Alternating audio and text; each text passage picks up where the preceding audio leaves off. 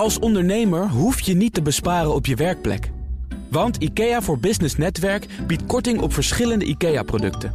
Word gratis lid en laat je werkplek voor je werken. IKEA, een wereld aan ideeën. Een reuma-medicijn mag tegen de verwachtingen in nog niet de Amerikaanse markt op. Hoe weeg je dat af in de boardroom, het risico tegen een potentiële megawinst? En de financiële topman van de Volksbank is na bijna een half jaar in functie alweer vertrokken. Het liep allemaal toch niet zo lekker op het persoonlijke vlak in de top van de bank. Was dit wel de beste oplossing? We gaan het allemaal bespreken in het boardroom panel. Vandaag met eh, Mijntje Lucraat Rovers. Zij is hoogleraar Corporate Governance aan Tilburg University. Commissaris bij onder meer Achmea. En Hugo Remkes, partneradvocaat bij Van Doornen.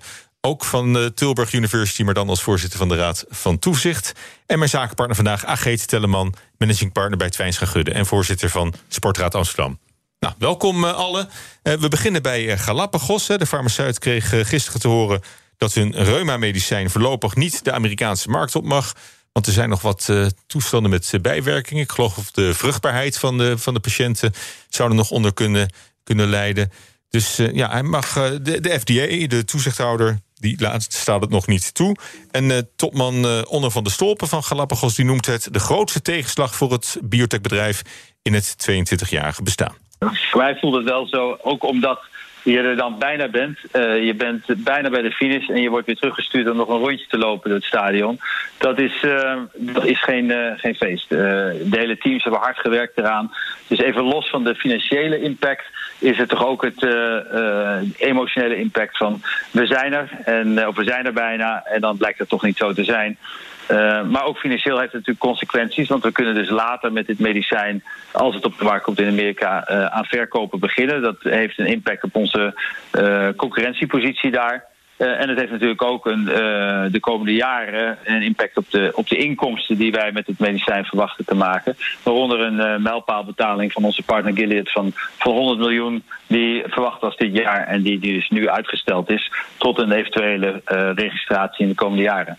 Ja. Ja, het is allemaal erg, erg pijnlijk natuurlijk en vervelend voor het bedrijf. Maar je kunt ook zeggen, als je al je eieren in één mandje legt... Hè, je hebt één kroonjuweel, in dit geval een medicijn tegen reuma... dat in hoge dosis kan worden gegeven. Er zijn misschien nog een paar andere middelen in ontwikkeling... maar uh, dit moest het vooral worden, wordt al 15 jaar aan gewerkt. Dan maak je jezelf ook wel heel erg kwetsbaar, uh, Mijntje. Ja, zeker. Maar ik denk dat dat ook wel de aard van het, van het bedrijf is. Het is natuurlijk ooit begonnen met als passie het ontwikkelen van dit medicijn. En je zou de vraag ook anders kunnen stellen: moet je dan per se als bedrijf gaan diversificeren terwijl je één doel hebt, namelijk het maken van dat reuma-medicijn, wat eigenlijk al best hele goede resultaten had. En in Europa ook al is goedgekeurd. Dus uh, het is altijd een afweging tussen risico nemen en uh, alles op, op, op één uh, paard wedden. Of juist gaan diversificeren, maar waarbij je waarschijnlijk ook de focus verliest op dat ene medicijn. Dus dat het een moeilijke afweging is, dat lijkt me duidelijk. Ja, Hugo? Ja, wat interessant ook is, is dat ze een uh, samenwerking zijn aangegaan met een Amerikaanse partij. Juist om die Amerikaanse markt uh, te bewerken. Want in Europa ging het mm. eigenlijk best wel goed. Ook bij, en, voor, voor investeringsronde, de ja, Gilead. Ja, precies. En ja. Gilead uh, zorgde er ook voor dat de koers enorm omhoog ging. Uh, dus die verwachting van de Amerikaanse markt is heel hoog. Nou is het gisteren op een gegeven moment zelfs met een derde. Maar ik zie nu dat de koers alweer stijgt met 5%. Dus het herstelt mm. zich wel weer. Ja, dat ging een kwart af. ja, dan kun je wat hebben. Dan kun je wat hebben. Maar juist door die samenwerking aan te gaan... daar zit in zekere mate ook een, een verspreiding in van de risico's. Hè.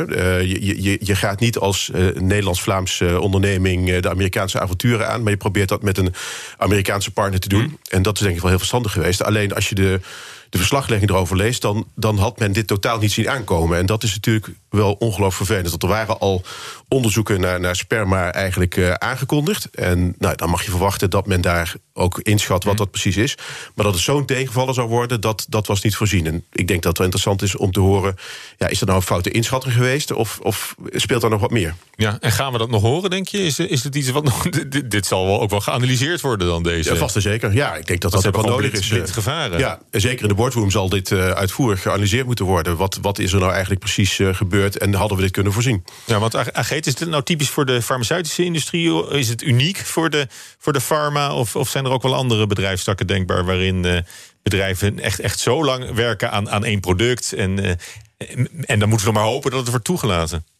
Nou, ik denk niet dat het uniek is alleen voor de farmaceutische industrie. Ik, weet, ik herinner me dat we hier ook een keer een eh, bedrijf hadden dat zich helemaal inzet op een alternatief op bioplastic. Dus voor hm. zeg maar biologisch afbreekbaar plastic. En die gingen volgens mij ook voor, voor dit product echt. En dat was echt een langetermijnstrategie. Dus volgens mij is dat niet voorbouwen aan de farmaceutische industrie. Wat wat ik wel, wat ik zelf hier erg voel, is dat ze. Het lijkt wel alsof ze even op het verkeerde been zijn gezet. Doordat ze, als je het leest, de gesprekken leest met de directeur, dan is het alsof het eerst was geweest dat ze er rekening mee hielden dat het nog langer zou duren. En dat ze eigenlijk verrast waren dat ze al mochten van, de FDA in Amerika. En dat nu alsnog toch daar een halt uh, toegeroepen is. En dat dat met name emotioneel, of ergens zijn ze er toch. Het voelt toch alsof ze net iets te vroeg zijn gaan juichen. Ehm, terwijl het nog niet helemaal een done deal was. Nou ja, na 15 jaar wil je ook wel een keer natuurlijk. Ja, dat snap ik. Je, je moet je ook afvragen hoe, hoe, de aanloop is naar zo'n naar zo'n productlancering. Hè. Het deel wat helemaal in het laboratorium plaatsvindt. En, en dat je langzaam ook aan, aan marketing gaat denken en, en, de, en de marktintroductie. Uh, hoe, hoe, hoe, verloopt dat, uh, Mijntje, zo'n proces? Is er een, een, point of no return wat je op een gegeven moment uh, voorbij gaat? En nu kunnen we alleen nog maar vooruit? Ja, vaak als je inderdaad een bedrijf bent met, met natuurlijk meerdere uh, projecten en je, en je start aan een nieuw project, dan is het op zich wel verstandig om met elkaar een soort uh, go or no-go moment af te spreken. Juist omdat je weet dat je in de loop van zo'n proces enorm gegrepen wordt door uh, dat je ook wil dat het gaat lukken en dat je een beetje blind wordt. Onze biases noemen we dat voor de bijeffecten en, en, de, en de dingen die je niet wil zien. Hè. Je, je hebt de confirmation bias, dan zie je eigenlijk alleen maar wat je wil zien en de, de tegenvallers niet. En we hebben een verliesaversie, hè, dus we zijn heel erg proberen die, die verliezen te voorkomen. Dan de, de sunk kosten, de verzonken kosten die we al gemaakt hebben, die willen we goed maken. Dus we, de, zo, zo zijn er allemaal dingen in ons, ons brein waardoor we toch maar door en door en door willen. En dat go en no-go moment, ja, eigenlijk dan overslaan. Dus als je, dat, dat moet je in ieder geval van tevoren gewoon goed met elkaar uh, afspreken. Dat is hier natuurlijk iets moeilijker. Omdat je juist, wat je straks ook zei, in één product zit. En wanneer draai je dan om of wanneer stop je dan? Uh, wat mij wel verbaast is dat dat risico, dus inderdaad, het is geen nieuw risico. Iedereen wist dat het bestond. Hè, dat dat, want volgens mij is het, is het in, in Europa ook goedgekeurd met het idee Um, dat ze wisten dat, dat die onderzoeken nog af moesten komen, maar de goedkeuring kwam alvast. En dat zie je denk ik ook wel in de enorme reactie op de aandelenkoers. Dat de aandeelhouders ook denken van ja, maar komt dit überhaupt nog goed? Want blijkbaar waren die goedkeuringen ook onder voorbehouden. En dat is natuurlijk wel een, nou ja, iets wat, wat extra risico is. En daarom is het ook met een raad van commissarissen belangrijk dat die, die onafhankelijke blik daarop blijft houden. En bewijst eigenlijk ook wel weer dat je af en toe moet zorgen dat er nieuw, een nieuwe blik naar binnen komt. Omdat die weer eens kan kijken naar het product, uh, zo, het proces zoals het tot nu toe gelopen is. En moeten we nog wel doorgaan? Of uh, moet het anders? Of wat zijn de risico's? Of moeten we dat niet beter. Want op het moment dat je met z'n allen in die boot zit, um, dan zie je eigenlijk alleen nog maar die stip op die horizon. En uh, moet er gewoon af en toe even iemand aan die boot rammelen. En we zeggen: ja, gaan we wel de goede koers? Of moeten we iets anders doen? Of... Ja. Want je bent 15 of, of 20 jaar alleen maar in, zit je in onderzoek en, uh, en steeds met het risico, met helemaal aan het eind dan het idee, die, die potentiële opbrengst van het middel. Dat, dat, dat is natuurlijk, de, die afweging moet je eigenlijk steeds maken. Ja, dat is ook een ja, in die zin. En dat, dat maakt het misschien ook wel vervelend wat er gisteren is gebeurd. Uh, Galapagos had de relatieve koppositie. Mm. En uh, als je er zo van een afstand naar kijkt, dan zou je kunnen zeggen: ja, dat medicijn dat is er al. Het is nu meer hoe breng je dat medicijn en hoe zorg je dat over alle hoepeltjes wordt heen gesprongen en door alle poortjes wordt gegaan. Mm. Uh, en daar hadden ze een mooie koppositie. En die koppositie, die raken ze nu ook kwijt. Uh, en er zijn andere bedrijven die soortgelijke medicijnen hebben. Ja, die zullen hier garen bij spinnen. En uh, dat is misschien nog wel vervelender dan dat... Uh, ja, op een gegeven moment men de conclusie moet trekken... we, we zijn er nog niet. Hè. Het zit vooral ook in die relatieve positie ten opzichte van mm. andere ondernemingen. Uh, en als je dan de eerste bent, dan, ja, dan heb je natuurlijk bij de introductie een enorm voordeel. En dat voordeel dat wordt nu eigenlijk niet gedaan. Ja, want ze hadden ook een octrooi op het middel. En dat, en dat, dat liep dus al. Hè. Galapagos had een patent in de VS. Uh, eh, maar ze kunnen nog geen medicijnen verkopen. Maar, dat, maar de, de klok tikt intussen verder. Want Zo is het. dat, uh, dat octrooi loopt, loopt af. zijn kostbare maanden voor een patent... wat nu over vijf jaar afloopt. Ja, maar ja, dat is natuurlijk eigen, zoals Bentje zei, aan dit type ondernemingen. Je investeert in een, in een toekomstverwachting. En die verwachting die, die, die was zeker goed. En door die samenwerking in Amerika eh, ging die koers helemaal door het dak. Uh, maar ja, nu komt er dan zo'n tegenvaller.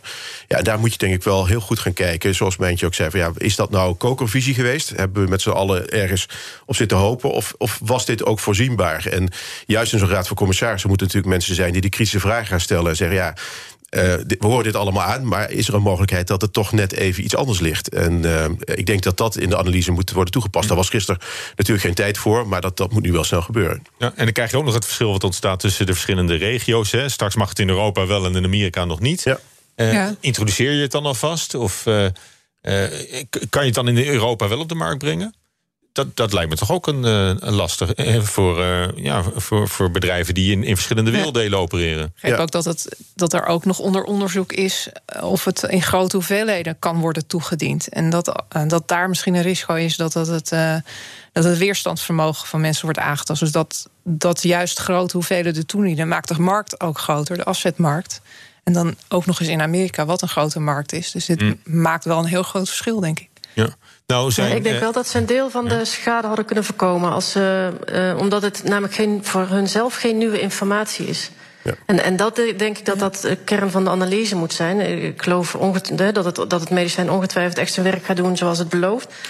Maar ze hadden gewoon die, als je al van tevoren had geweten van nou het duurt nog drie kwart jaar, of het kan zijn dat het nog drie kwart jaar gaat duren. Maar de klap gisteren, het onverwachte van de niet-toelating, dat heeft natuurlijk het grote effect gehad. En dat hadden ze misschien beter kunnen managen. Want nu heeft misschien het merk ook onherstelbare schade opgelopen. Ja, en dat, dat, dat, dat, is dan nog naar de buitenwereld toe. Maar uh, intern en ook bij, je, bij, je, bij de investeerders, hè, bij je beleggers, heb je in één keer heel veel uh, vertrouwen verspild. Ik denk dat ja. dat ook voor, voor medewerkers van, uh, van Galapagos ook een enorme tegenvaller is.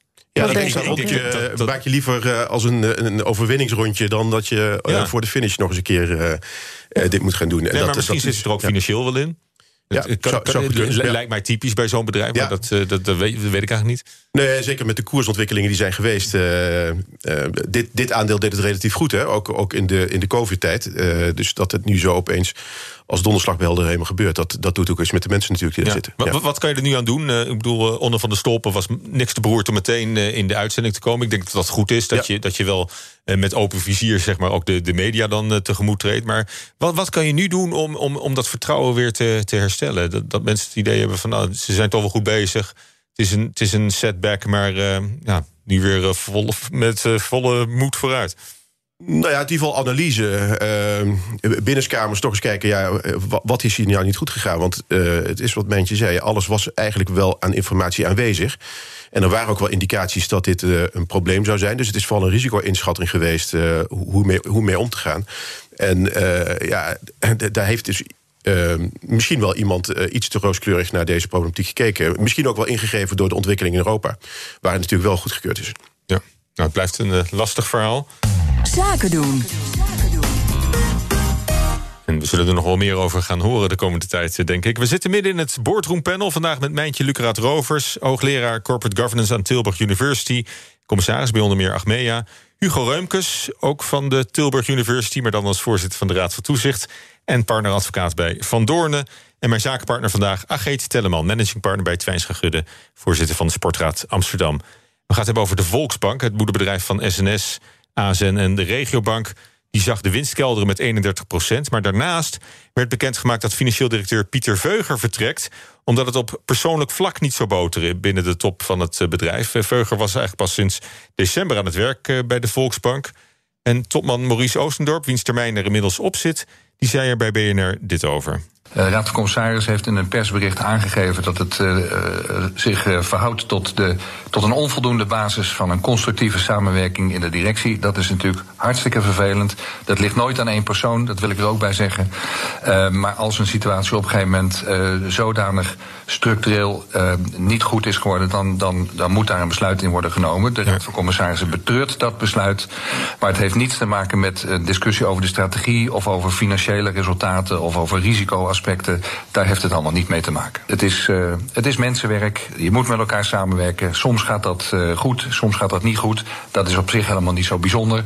Maar in dit geval heeft de Raad van Commissarissen besloten dat ook in het licht van de nieuwe strategische richting er wel een goede samenwerking moet zijn in de directie om zo'n strategie goed uit te voeren. En ja, hebben ze helaas uh, dit moeten besluiten. Ja, en dan lees je in het persbericht uh, geen basis voor een uh, gestructureerde samenwerking. En andere eufemismen voor, uh, voor, voor ruzie, volgens mij, in, in, in de top. persoonlijke verhoudingen is natuurlijk altijd. een, kan een probleem zijn. Als alles lekker loopt, is het niet aan de orde. Maar bij de Volksbank ging het blijkbaar snel mis. Hoe, hoe, belangrijk is dat, dat, dat de verhoudingen altijd, altijd goed zijn? Ski. Ja, ja ik bedoel, als, als raad van commissarissen eh, ben je verantwoordelijk voor de continuïteit, maar met name de continuïteit in de ondernemingsleiding. Uh, ik, ik, neem aan dat er hier heel zorgvuldig is uh, omgegaan met de selectie en de werving van, van alle betrokkenen. Maar als dat uiteindelijk niet botert, uh, ja, dan kun je al je doelstellingen niet realiseren. Dus die raad van commissarissen die is waarschijnlijk vol in de bak geweest om dit goed te krijgen. Het is niet een op zichzelf staand probleem bij de mm. Volksbank. Er zijn al op meerdere posities problemen geweest. En ik denk wel dat het van kracht getuigt dat de Raad van Commissarissen hier durft in te grijpen. Ik bedoel, Zo iemand zit er pas vijf maanden, je bent ook werkgever, je moet daar ook mee omgaan. Maar ja, je kunt die situatie niet laten voortduren. Nee, maar tegelijk zeg ik van je, je bent met professionals bij elkaar. Uh, je hoeft geen vrienden te zijn om een, om een bank samen te runnen, lijkt mij. Meent je? Nee, uh, daar heb je helemaal gelijk. Uh, er is een uitdrukking in, uh, in de Engelse Guidance on Board Effectiveness heet die. En, en daar staat: een effective board should not necessarily be a comfortable place. He, dus waarbij ze eigenlijk zeggen: het hoeft niet altijd comfortabel te zijn waar je zit. Want om effectief te zijn, omdat je juist ook een beetje, je moet die discussie met elkaar opzoeken. Je moet elkaar kunnen, kritisch kunnen bevragen. Uh, ja, hier gaat het denk ik nog een stukje verder dan dat er, dat er echt iets aan de hand is. Ik wil wel zeggen dat ik het echt al een geweldige vooruitgang vind. Dat tien jaar geleden zouden we dit nooit zo gecommuniceerd hebben. Dus tien jaar geleden werden dit soort dingen een beetje weggestopt. Nou, een kort, iemand die na een korte tijd opstapt is wel heel opvallend. Maar dat er dus al meer openheid wordt gegeven waarom dat is, uh, vind ik eigenlijk al een vooruitgang in onze hele corporate governance. Dat we dit ook gewoon durven toe te geven. En uh, Maurice zegt het ook, het ligt nooit aan één persoon. Het, klikt dan waarschijnlijk niet. Hm. En dat gaat dus verder dan um, dat het niet zomaar een comfortable place is, maar dat het gewoon ook echt een hele. voor iemand of voor meerdere mensen gewoon niet meer werkbaar was. Nou, dan vind ik het ook eigenlijk wel van kracht getuigen dat je daar uh, consequenties aan uh, verbindt. Ja, maar als je zegt uh, het argument van wrijving komt glans, het hoeft geen comfortable ja. place te zijn, dan moet het wel echt heel erg oncomfortabel zijn, zijn geweest binnen die board. Wil je zo'n besluit ja. nemen? Ja, daar lijkt het wel op. dit is, dit, dit, is toch echt een stapje verder. want, want binnenskamers kun je natuurlijk met elkaar over alles van mening verschillen, maar naar buiten toe wil je eenheid creëren. Kennelijk lukt dat niet. hier speelt natuurlijk ook mee dat de Volksbank een, een staatsbank is. Eh, we hadden net over Galapagos. Dan word je nogal genadeloos afgestraft mm -hmm. op de beurs. Uh, de staat zal hier uh, natuurlijk wenkbrauwen fronsen, maar tegelijkertijd is dat een rustig bezit. Hè. De, de, een aandeelhouder die, die dit monitort, mm -hmm. is toch echt iets anders dan de, de beurs die over je heen valt. Maar goed, het zijn, uh, het zijn uh, uh, pittige tijden als je uiteindelijk ook de stap wil nemen om van een staatsbank weer een, een bank te maken die aan de beurs genoteerd is. En ja. als in de aanloop daar naartoe nu al dat gerommel is, dat, dat is nooit goed. Ja. Nou goed, maar de, de persoonlijke verhoudingen, dat, dat, is, dat is dan één ding. Maar je, je denkt dan automatisch, er zal er ook wel meer aan de hand zijn. Dan, hè, want, want, want anders hadden we misschien best vooruit gekund. Nou, sterk nog, ik denk dat dat heel gezond is om dat altijd al die vraag te stellen. Want op het moment dat je denkt, ja, het ligt aan verhoudingen tussen die en die. En je, je stuurt één iemand naar huis en je denkt het daarmee op te lossen, dan dat is vaak een uh, te kortzichtige oplossing. Vaak zijn er dan patronen ingeslopen die wel breder spelen. En dat los je niet op door één of twee mensen uh, eerder te laten vertrekken. En ik denk, als je, dit, als je hierin verdiept, dan lijkt het alsof er op de achtergrond ook echt wel een, een strijd tussen visies uh, is. Eén die gaat over: moeten we vooral een bank met maatschappelijke waarden blijven? Of een strategie die erop gericht is om ook echt een gezonde, bedrijfseconomisch gezonde bank te zijn. En persoonlijk denk ik, en dan kom je weer dat op die is niet iets wat elkaar hoeft uit te. Nou, precies. Dat, maar je, je, als je kijkt naar de nieuwe CEO die in beeld is, hm. die, dan denk ik, ja, dat is toch, dan gaat er echt wel een hele andere wind waaien. Terwijl eigenlijk heb je dat allebei nodig. Hm. Het een kan niet zonder het ander. Dus die, die scherpte zou je juist in de organisatie moeten willen organiseren. En niet willen kiezen tussen die ja. twee richtingen. Dat moet je bij elkaar brengen. En dan is die, die wrijving juist heel goed. Ja. Maar, ja, maar, dat, maar, dat, ja. dat, gevoel heb ik ook inderdaad wel een beetje hoor. Dat het, het werd net in het uh, eerste stuk gezegd dat er dus geen verschil was van mening over de visie en de strategie en de missie. En zoals wij, voor zover wij het van afstandje kunnen bekijken, bekruipt mij juist het gevoel dat er wel een verschil ook is in, visie, in, in, mm. visie en missie en die strategie. Dus dat het ook echt, in het, precies wat Ageet zegt, welke kant wil je op met deze bank en welke personen heb je daarvoor en, uh, voor nodig. En dat dat misschien net zoveel botst als persoonlijkheden. Ja, maar, dat, maar dan is de communicatie ook een beetje schijnheilig misschien. Hè, waarvan je net nog zei, van dat, dat is alvast winst uit corporate governance oogpunt dat er in ieder geval rekenschap wordt afgelegd voor, bij het vertrek van iemand op persoonlijke gronden. Uh, maar dan uiteindelijk uh, krijg je er toch een smoesje bij uh, verkocht. Ja, maar dan is het misschien meer dat ze bedoelen dat er geen, uh, dat er geen botsende visie is op de missie en de visie tussen de Raad van Commissarissen en de overgebleven personen. Dat zou je dan verwachten. En dat, ze de, en dat, en dat dan inderdaad de, degene die toch een afwijkende visie had, uh, daarom dat, dat de keuze is gevallen om die te laten gaan, los van dat het niet per se aan deze persoon individueel uh, te wijten is, zeg ja. maar. En ik vraag me ook af, hoe, hoe kunnen ze een half jaar geleden iemand hebben aangesteld, hè, Pieter Veuger in dit geval, en, en, en niet hebben kunnen, uh, kunnen aanvoelen dat het, dat het niet zou gaan boteren? Of, of, dat het, uh, of dat hij een hele andere visie had op, uh, op de koers van de bank? Ja, je, je moet dat het wel is het zien eerste dat, wat je vraagt in een sollicitatiegesprek. Ja, maar in de top van deze, van deze bank, uh, de twee hoogste posities, die, die wisselen nu eigenlijk. Hè. Dus dat, uh, ja. er, is, er is net een uh, CFO gekomen en in de kielzog daarvan een half jaar later een nieuwe CEO. inderdaad, een bank met een nogal uitdagende missie om de maatschappelijke rol van de bank ook erg te benadrukken. En niet alleen naar de aandeelhouderswaarde te kijken, maar ook mm. duidelijk naar belangen van, van andere betrokkenen. Ja, en als je uh, bijvoorbeeld zou overwegen om toch naar de beurs te gaan, uh, dan, dan komt daar natuurlijk enorme spanning op te staan. En uh, om dat op een goede manier over het voetlicht te krijgen en als, als bestuur ook daadwerkelijk met overtuiging neer te kunnen zetten in de aanloop naar zo'n beursgang, wat natuurlijk een ongelooflijk complex mm. proces is, ja, dan, dan, dan moet je er wel van overtuigd zijn dat het goed gaat. En ja. dat vind ik dan wel knap weer van de Raad van Commissarissen, dat ze hier op dit moment durven in te grijpen. Nu kan het ook nog. Je kunt ja. dat niet gaandeweg de rit doen. dus dan maar nu meteen. Ja. Er is ook een schoolvoorbeeld, denk ik, van uh, op wat voor momenten de Raad van Commissarissen moet, moet ingrijpen. Ja. Eigenlijk, ja. die, die plek moet overnemen. Ja. Want wat, wat, wat zij, het, zij forceren eigenlijk deze, deze, uh, dit besluit. Ja, dat is natuurlijk de vraag, hè, over hoe dat, hoe dat precies gegaan is. Ja, we waren, we waren er niet bij natuurlijk. Nee. Ja. nee, maar over het initiatief van de Raad van Commissarissen is het van de personen zelf. Dus het, het, dat, dat is. Ja. En met, en met de Nederlandse staat als enige aandeelhouder, die zullen zich daar ook mee bemoeid hebben, wellicht. Zonder twijfel. ja, zonder twijfel. Ja. Uh, zonder twijfel is dat gebeurd. Ja, uh, dat zal uh, met alle betrokkenen. NS, Zeker. Ja. Dat ja, als, je dat, als je dat vertaalt naar de andere grote banken die we in Nederland hebben. Uh, en en, en ja, nogmaals, op de beurs zou dit, zou dit instaan als een bom. En de staat als, als aandeelhouder zal hier ook echt wel van hebben gevraagd. Ja, wat is nu precies aan de hand? De vragen die wij nu stellen, die zullen zij ook vastgesteld hebben. Ja. Maar ook pas nadat het gebeurd is, denk ik. Ik denk niet dat zij zich vooraf bemoeid hebben met, uh, met de keuze die gemaakt is. Dus wel van de benoemingen. Dus dat ze zich bemoeien met wie er op welke stoel komt ja. te zitten.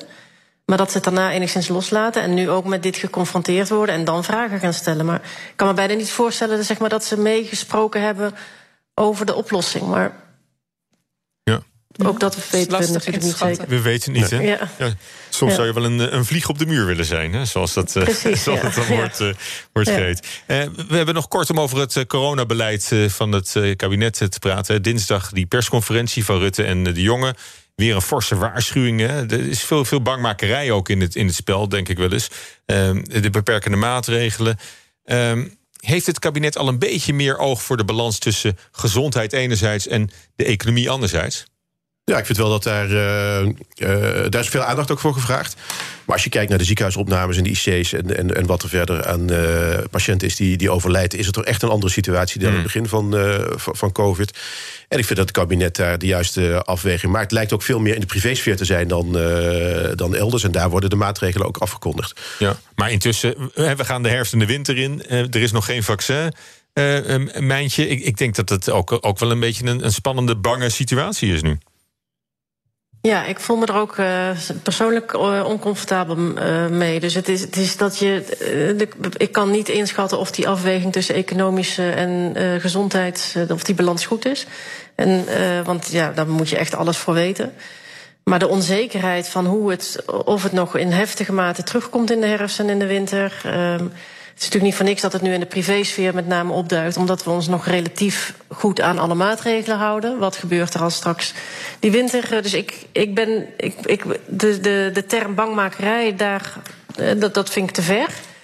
Maar ik ben zelf ook echt onzeker over die, uh, wat ons nog te wachten staat. Dus ik kan me voorstellen dat je daar als kabinet ook echt een hele moeilijke dobber hebt in hoe maken we die keuzes. Ja, nou, ik denk dat we allemaal wel een beetje daar uh, problemen mee hebben. Uh, we gaan het hier bij laten. De tijd zit erop. Ik wil jullie hartelijk danken voor je bijdrage aan het boardroom panel. Mijntje Lucraat Rovers, hoogleraar Corporate Governance aan Tilburg University, commissaris bij onder meer Achmea. Hugo Reumkes, partneradvocaat bij Van Doornen, voorzitter Raad van Toezicht van de Tilburg University en mijn zakenpartner vandaag.